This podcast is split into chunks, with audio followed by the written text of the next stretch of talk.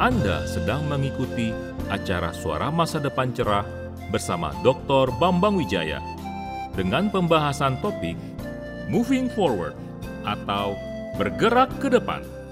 Melalui acara ini, wawasan rohani Anda akan diperluas dan iman serta kasih Anda kepada Tuhan akan diperteguh. Selain program radio ini, Anda juga dapat mengikuti berbagai program inspiratif yang dibawakan oleh Dr. Bambang Wijaya melalui YouTube channel Bambang Wijaya. Selamat mendengarkan. Apabila keraguan mengakibatkan orang hidup di bawah kesanggupannya, maka iman akan menyebabkan orang hidup melampaui kemampuan dirinya. Dengan kata lain, apabila keraguan, khususnya keraguan terhadap Tuhan, membawa dampak yang negatif terhadap kehidupan kita, maka iman kepada Tuhan akan membawa dampak yang positif bagi diri kita. Dampak negatif dari keraguan ini dapat kita lihat dalam diri impala. Sesungguhnya impala, salah satu satwa dari Afrika, memiliki kemampuan yang luar biasa. Hewan yang mirip dengan rusa ini dapat melompat setinggi 3 meter dan meloncat sejauh 10 meter. Jauh lebih tinggi maupun lebih jauh dari para pemegang rekor lompat tinggi dan loncat jauh dalam olimpiade. Namun untuk mengurung seekor impala di dalam kandang, kita tidak memerlukan tembok yang tinggi. Tidak diperlukan tembok yang lebih tinggi dari 3 meter walaupun impala dapat melompat setinggi 3 meter. Cukup diperlukan tembok setinggi satu meter saja. Sebab selama tembok itu lebih tinggi daripada matanya, sehingga menghalangi si impala untuk melihat apa yang ada di balik tembok tersebut, artinya ia tidak dapat melihat ke mana kakinya akan mendarat bila ia melompati tembok itu, maka si impala ini tidak akan pernah berupaya untuk melompati tembok tersebut. Berarti yang mengungkong si impala bukanlah tembok pagar tempat ia dikurung ataupun terbatasnya kemampuannya untuk melompat. Sebab tembok itu hanya setinggi satu meter saja. Sedangkan ia dapat melompat setinggi tiga meter. Yang menghalangi dirinya ada pada dirinya sendiri. Yaitu keraguan-raguan dalam dirinya untuk melompat. Bila ia tidak dapat melihat apa yang ada di belakang penghalang yang merintangi dirinya. Hal yang sama terjadi dengan kehidupan banyak orang. Yang menghalangi orang tersebut untuk mengalami janji Tuhan bukanlah karena Tuhan tidak setia kepada janjinya. Yang menghalangi dirinya untuk meraih hari esok seperti yang Tuhan janjikan adalah keraguan-raguan, kebimbangan, atau kurangnya iman dalam diri yang bersangkutan. Keraguan-raguan sebab ia telah membatasi kehidupannya semata-mata berdasarkan pertimbangan akaliahnya yang bersifat terbatas. Sedangkan sesungguhnya rencana Allah acap kali jauh lebih besar melampaui keterbatasan kita. Ia memiliki rencana agar Abram dan Sarah menghadirkan suatu bangsa yang besar dan yang akan menjadi umat perjanjiannya. Padahal saat itu pasangan suami istri ini sudah berusia lanjut dan belum memiliki keturunan karena Sarah dalam keadaan mandul. Tetapi itulah Allah. Acap kali rencananya jauh lebih besar melampaui keterbatasan manusia. Ia memiliki rencana agar Musa memimpin bangsa Israel keluar dari perbudakan di Mesir. Padahal saat itu Musa telah berusia 80 tahun. Dan selama 40 tahun ia hidup sebagai gembala kambing domba milik mertuanya di Midian. Usia dan pengalamannya tidaklah memadai untuk memimpin bangsa Israel keluar dari Mesir dan melakukan perjalanan menuju ke Kanaan. Tetapi itulah Allah. Acap kali rencananya jauh lebih besar melampaui keterbatasan manusia. Ia memiliki rencana agar Daud menjadi seorang raja menggantikan Raja Saul. Padahal saat itu Daud masih berusia remaja. Dan hanya berpengalaman sebagai gembala kambing domba milik ayahnya yang hanya beberapa ekor saja. Usia dan pengalaman yang tidak memadai untuk menjadi seorang pemimpin bangsa Israel yang saat itu terus menerus berperang melawan orang Filistin. Tetapi itulah Allah. Acap kali rencananya jauh lebih besar melampaui keterbatasan manusia. Ia memiliki rencana agar Petrus, Yohanes, dan saudara-saudara mereka menjadi para rasulnya. Padahal orang-orang ini hanyalah para nelayan sederhana dari daerah Galilea. Mereka bukan para pemuka agama yang tinggal di Yerusalem ataupun orang-orang yang berpendidikan tinggi. Artinya, latar belakang mereka sangat tidak memadai untuk mengemban tugas yang besar, yaitu membawa berita Injil ke seluruh dunia. Tetapi itulah Tuhan. Acap kali rencananya jauh lebih besar melampaui keterbatasan manusia. Hal yang sama Allah lakukan atas diri Gideon. Ia memiliki rencana agar profesional muda yang mengidap perasaan rendah diri atau minder ini menjadi seorang pemimpin yang membebaskan umatnya, bangsa Israel dari penindasan bangsa Amalek dan Midian. Untuk itu, sebagaimana ia membentuk Abraham, Musa, Daud, dan para murid Yesus, demikianlah ia mengubah Gideon menjadi seorang pemimpin. Mengubah, mengalihkan, atau to shift. Ia mengalihkan Gideon dari seorang yang ingin hidup dalam kemapanan menjadi seorang pemberani. To shift from comfort to courage.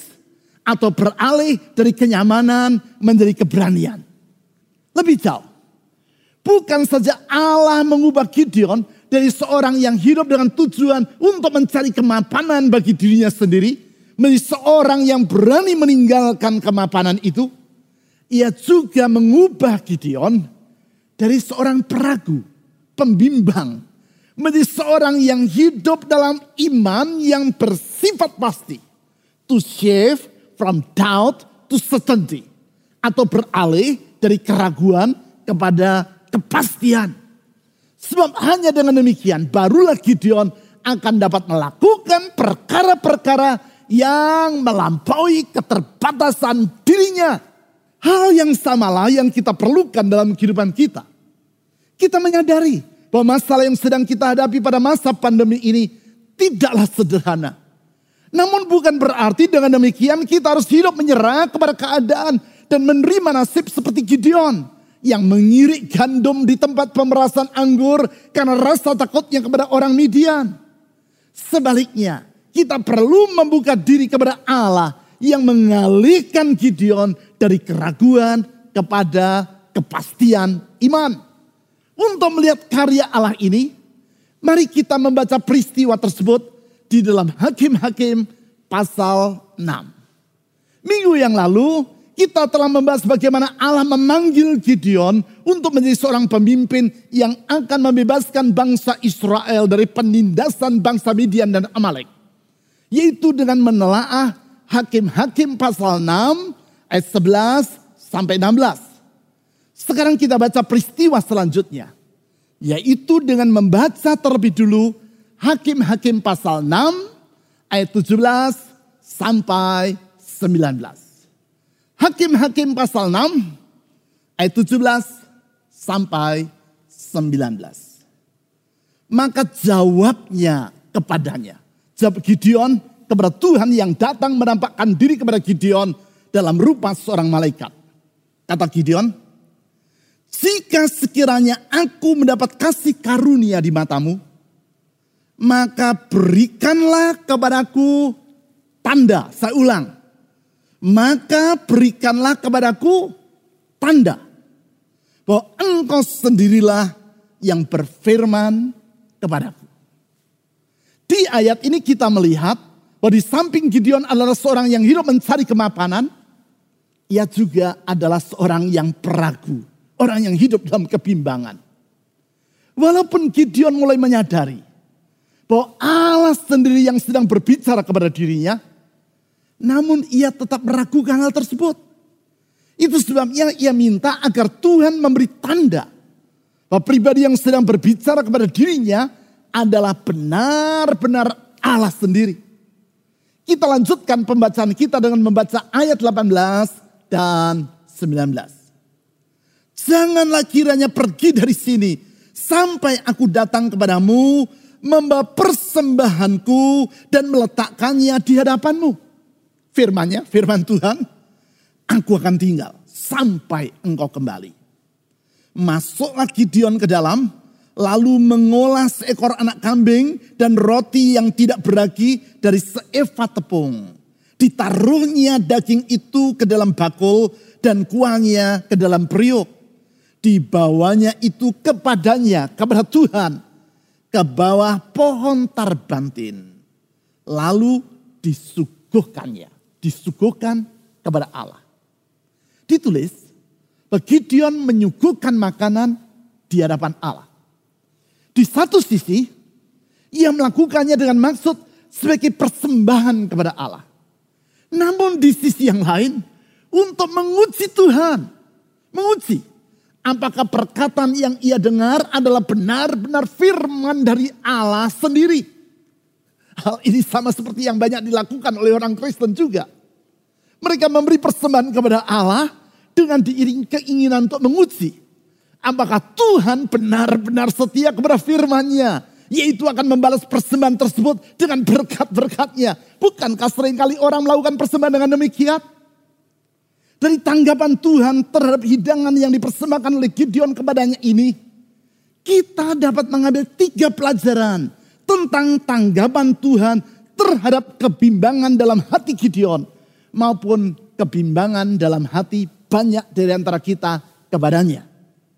Yang pertama, Tuhan menghendaki agar kita tidak hidup dalam keraguan. Saya ulang, Tuhan menghendaki agar kita tidak hidup dalam keraguan.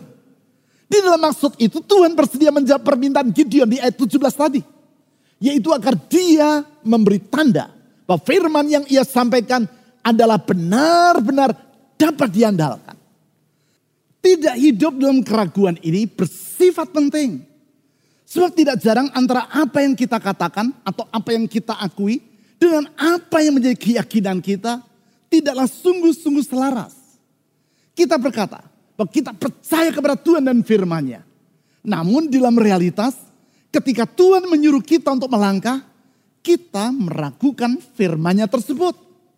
Ini sama seperti seorang yang terpleset dan jatuh ke dalam jurang yang sangat dalam. Sebelum terhempas ke dasar jurang, orang tadi sempat menyambar ranting perdu yang tumbuh di dinding jurang. Sekarang ia dalam keadaan bergayut pada ranting perdu yang kecil dan yang nampaknya tidak lama lagi akan patah karena harus menahan berat tubuh dari orang itu.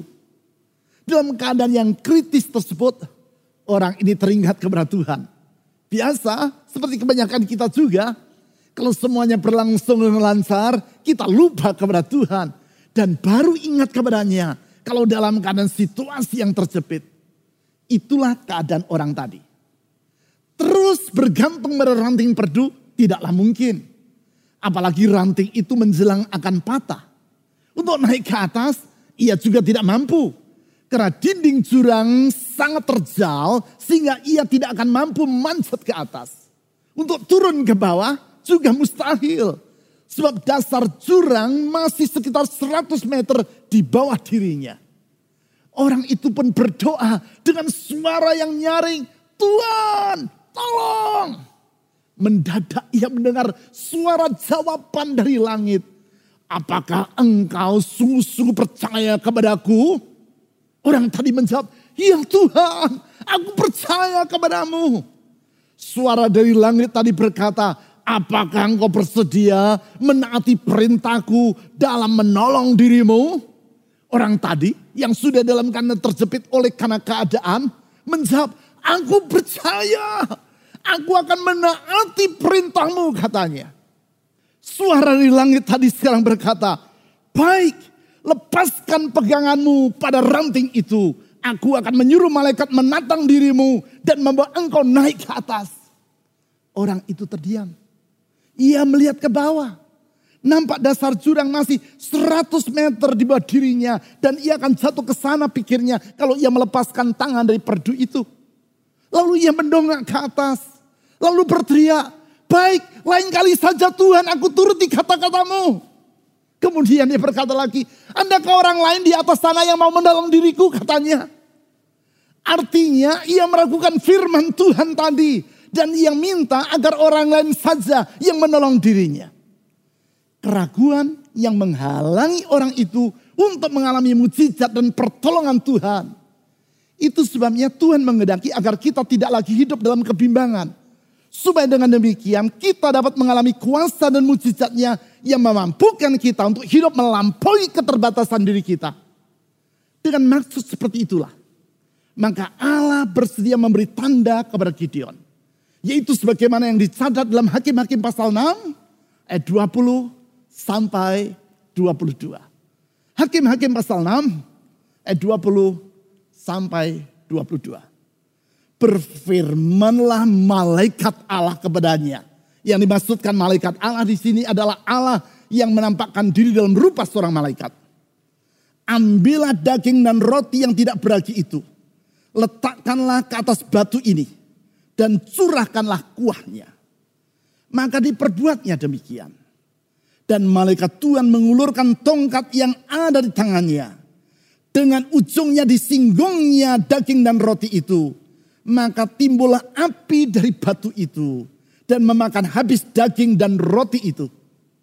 Kemudian hilanglah malaikat Tuhan dari pandangannya. Dari pandangan Gideon. Ayat 22. Maka tahulah Gideon. Bahwa itulah malaikat Tuhan. Lalu katanya. Celakalah aku Tuhanku Allah. Sebab memang telah kulihat malaikat Tuhan dengan berhadapan muka.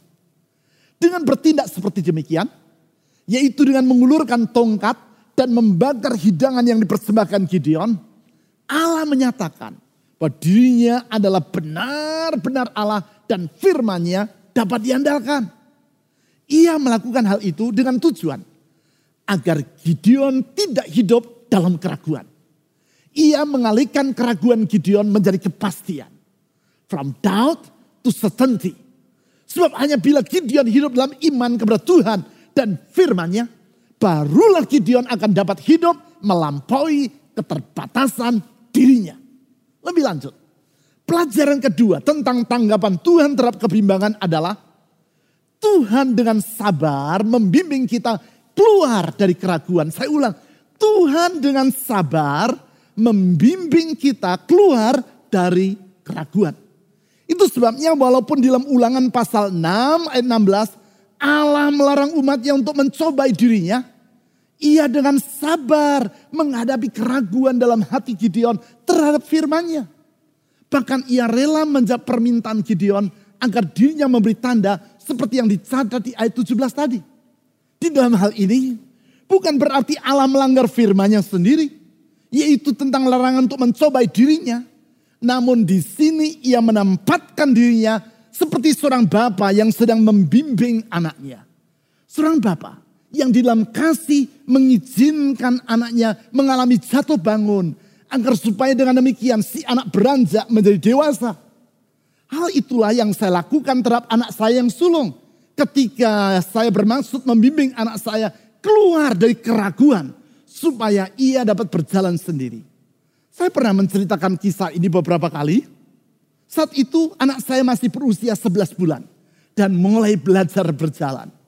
Siang itu saya melihat dia sedang berdiri dengan tangannya berpegangan pada lengan kursi sofa.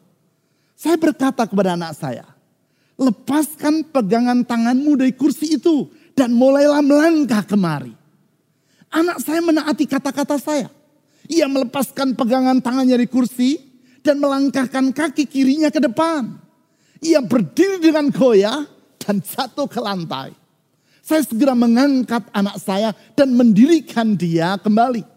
Lalu saya lepaskan pegangan tangan saya dari dirinya. Dan berkata, it's okay. Sekarang melangkah lagi kemari kata saya. Ia melangkah lagi.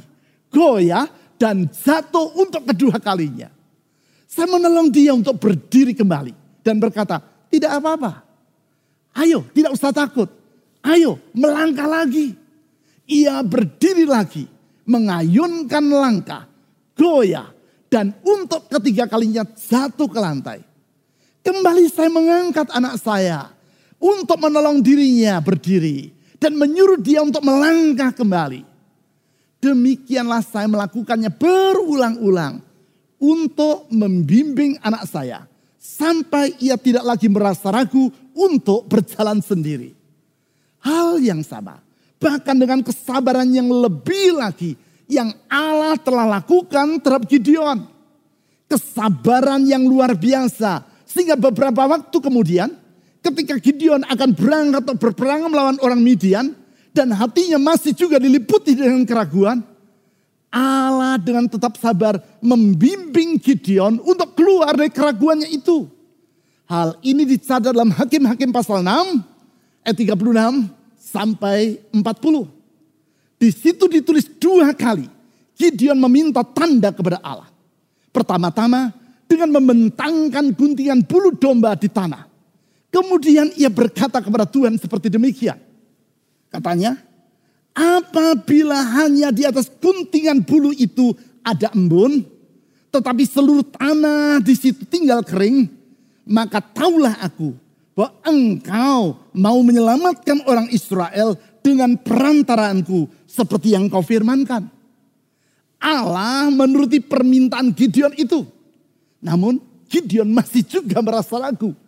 Sehingga kembali ia meminta tanda dengan berkata, Janganlah kiranya murkamu bangkit terhadap aku. Apabila aku berkata lagi, sekali ini saja. Biarkanlah aku satu kali lagi saja mengambil percobaan dengan guntingan bulu itu. Sekiranya yang kering hanya guntingan bulu itu dan di atas seluruh tanah itu ada embun. Kembali Allah dengan kesabarannya mengabulkan permintaan Gideon tersebut. Berarti sudah tiga kali Gideon meminta tanda kepada Allah. Sekali ketika Allah memanggil dia menjadi seorang pemimpin yang membebaskan Israel. Dan dua kali sebelum ia berangkat melaksanakan panggilan tersebut. Di setiap kali Allah dengan sabar mengabulkan permintaan Gideon. Ia melakukannya karena ia ingin mengalihkan keraguan dalam diri Gideon menjadi kepastian. To shift from doubt to certainty. Dengan kata lain, semua tindakan yang Allah lakukan atas diri Gideon adalah untuk kebaikan Gideon. Kalaupun tindakan tersebut mengharuskan Gideon untuk meninggalkan kemapanan dalam hidupnya. Sesungguhnya di baliknya terkandung rencana Allah yang indah bagi hidup Gideon. Yaitu untuk mengangkat Gideon dari seorang yang bukan siapa-siapa. Seperti yang diakui sendiri oleh Gideon dalam Hakim-Hakim pasal 6 ayat 15. Menjadi seorang pahlawan Allah memiliki rencana yang indah untuk Gideon. Apabila saudara percaya bahwa rencana Allah yang indah itu bukan hanya untuk Gideon, namun juga untuk dirimu. Tulislah kata amin pada kolom komen di YouTube channel yang sedang saudara ikuti ini. Karena sesungguhnya Allah tidak pernah membeda-bedakan orang. Itu sebabnya sebagaimana ia bersedia membimbing Gideon untuk membuka lembaran yang baru bagi hidupnya atau restart ia juga bersedia melakukan hal yang sama bagi dirimu.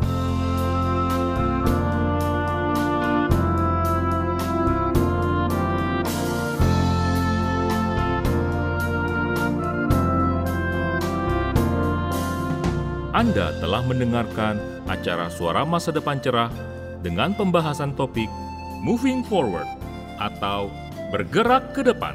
Pekan yang akan datang, Dr. Bambang Wijaya akan melanjutkan topik tersebut pada hari, jam, dan gelombang radio yang sama. Pastikan Anda mengikutinya. Selain program ini, Anda juga dapat mengikuti berbagai program inspiratif yang dibawakan oleh Dr. Bambang Wijaya melalui YouTube channel Bambang Wijaya.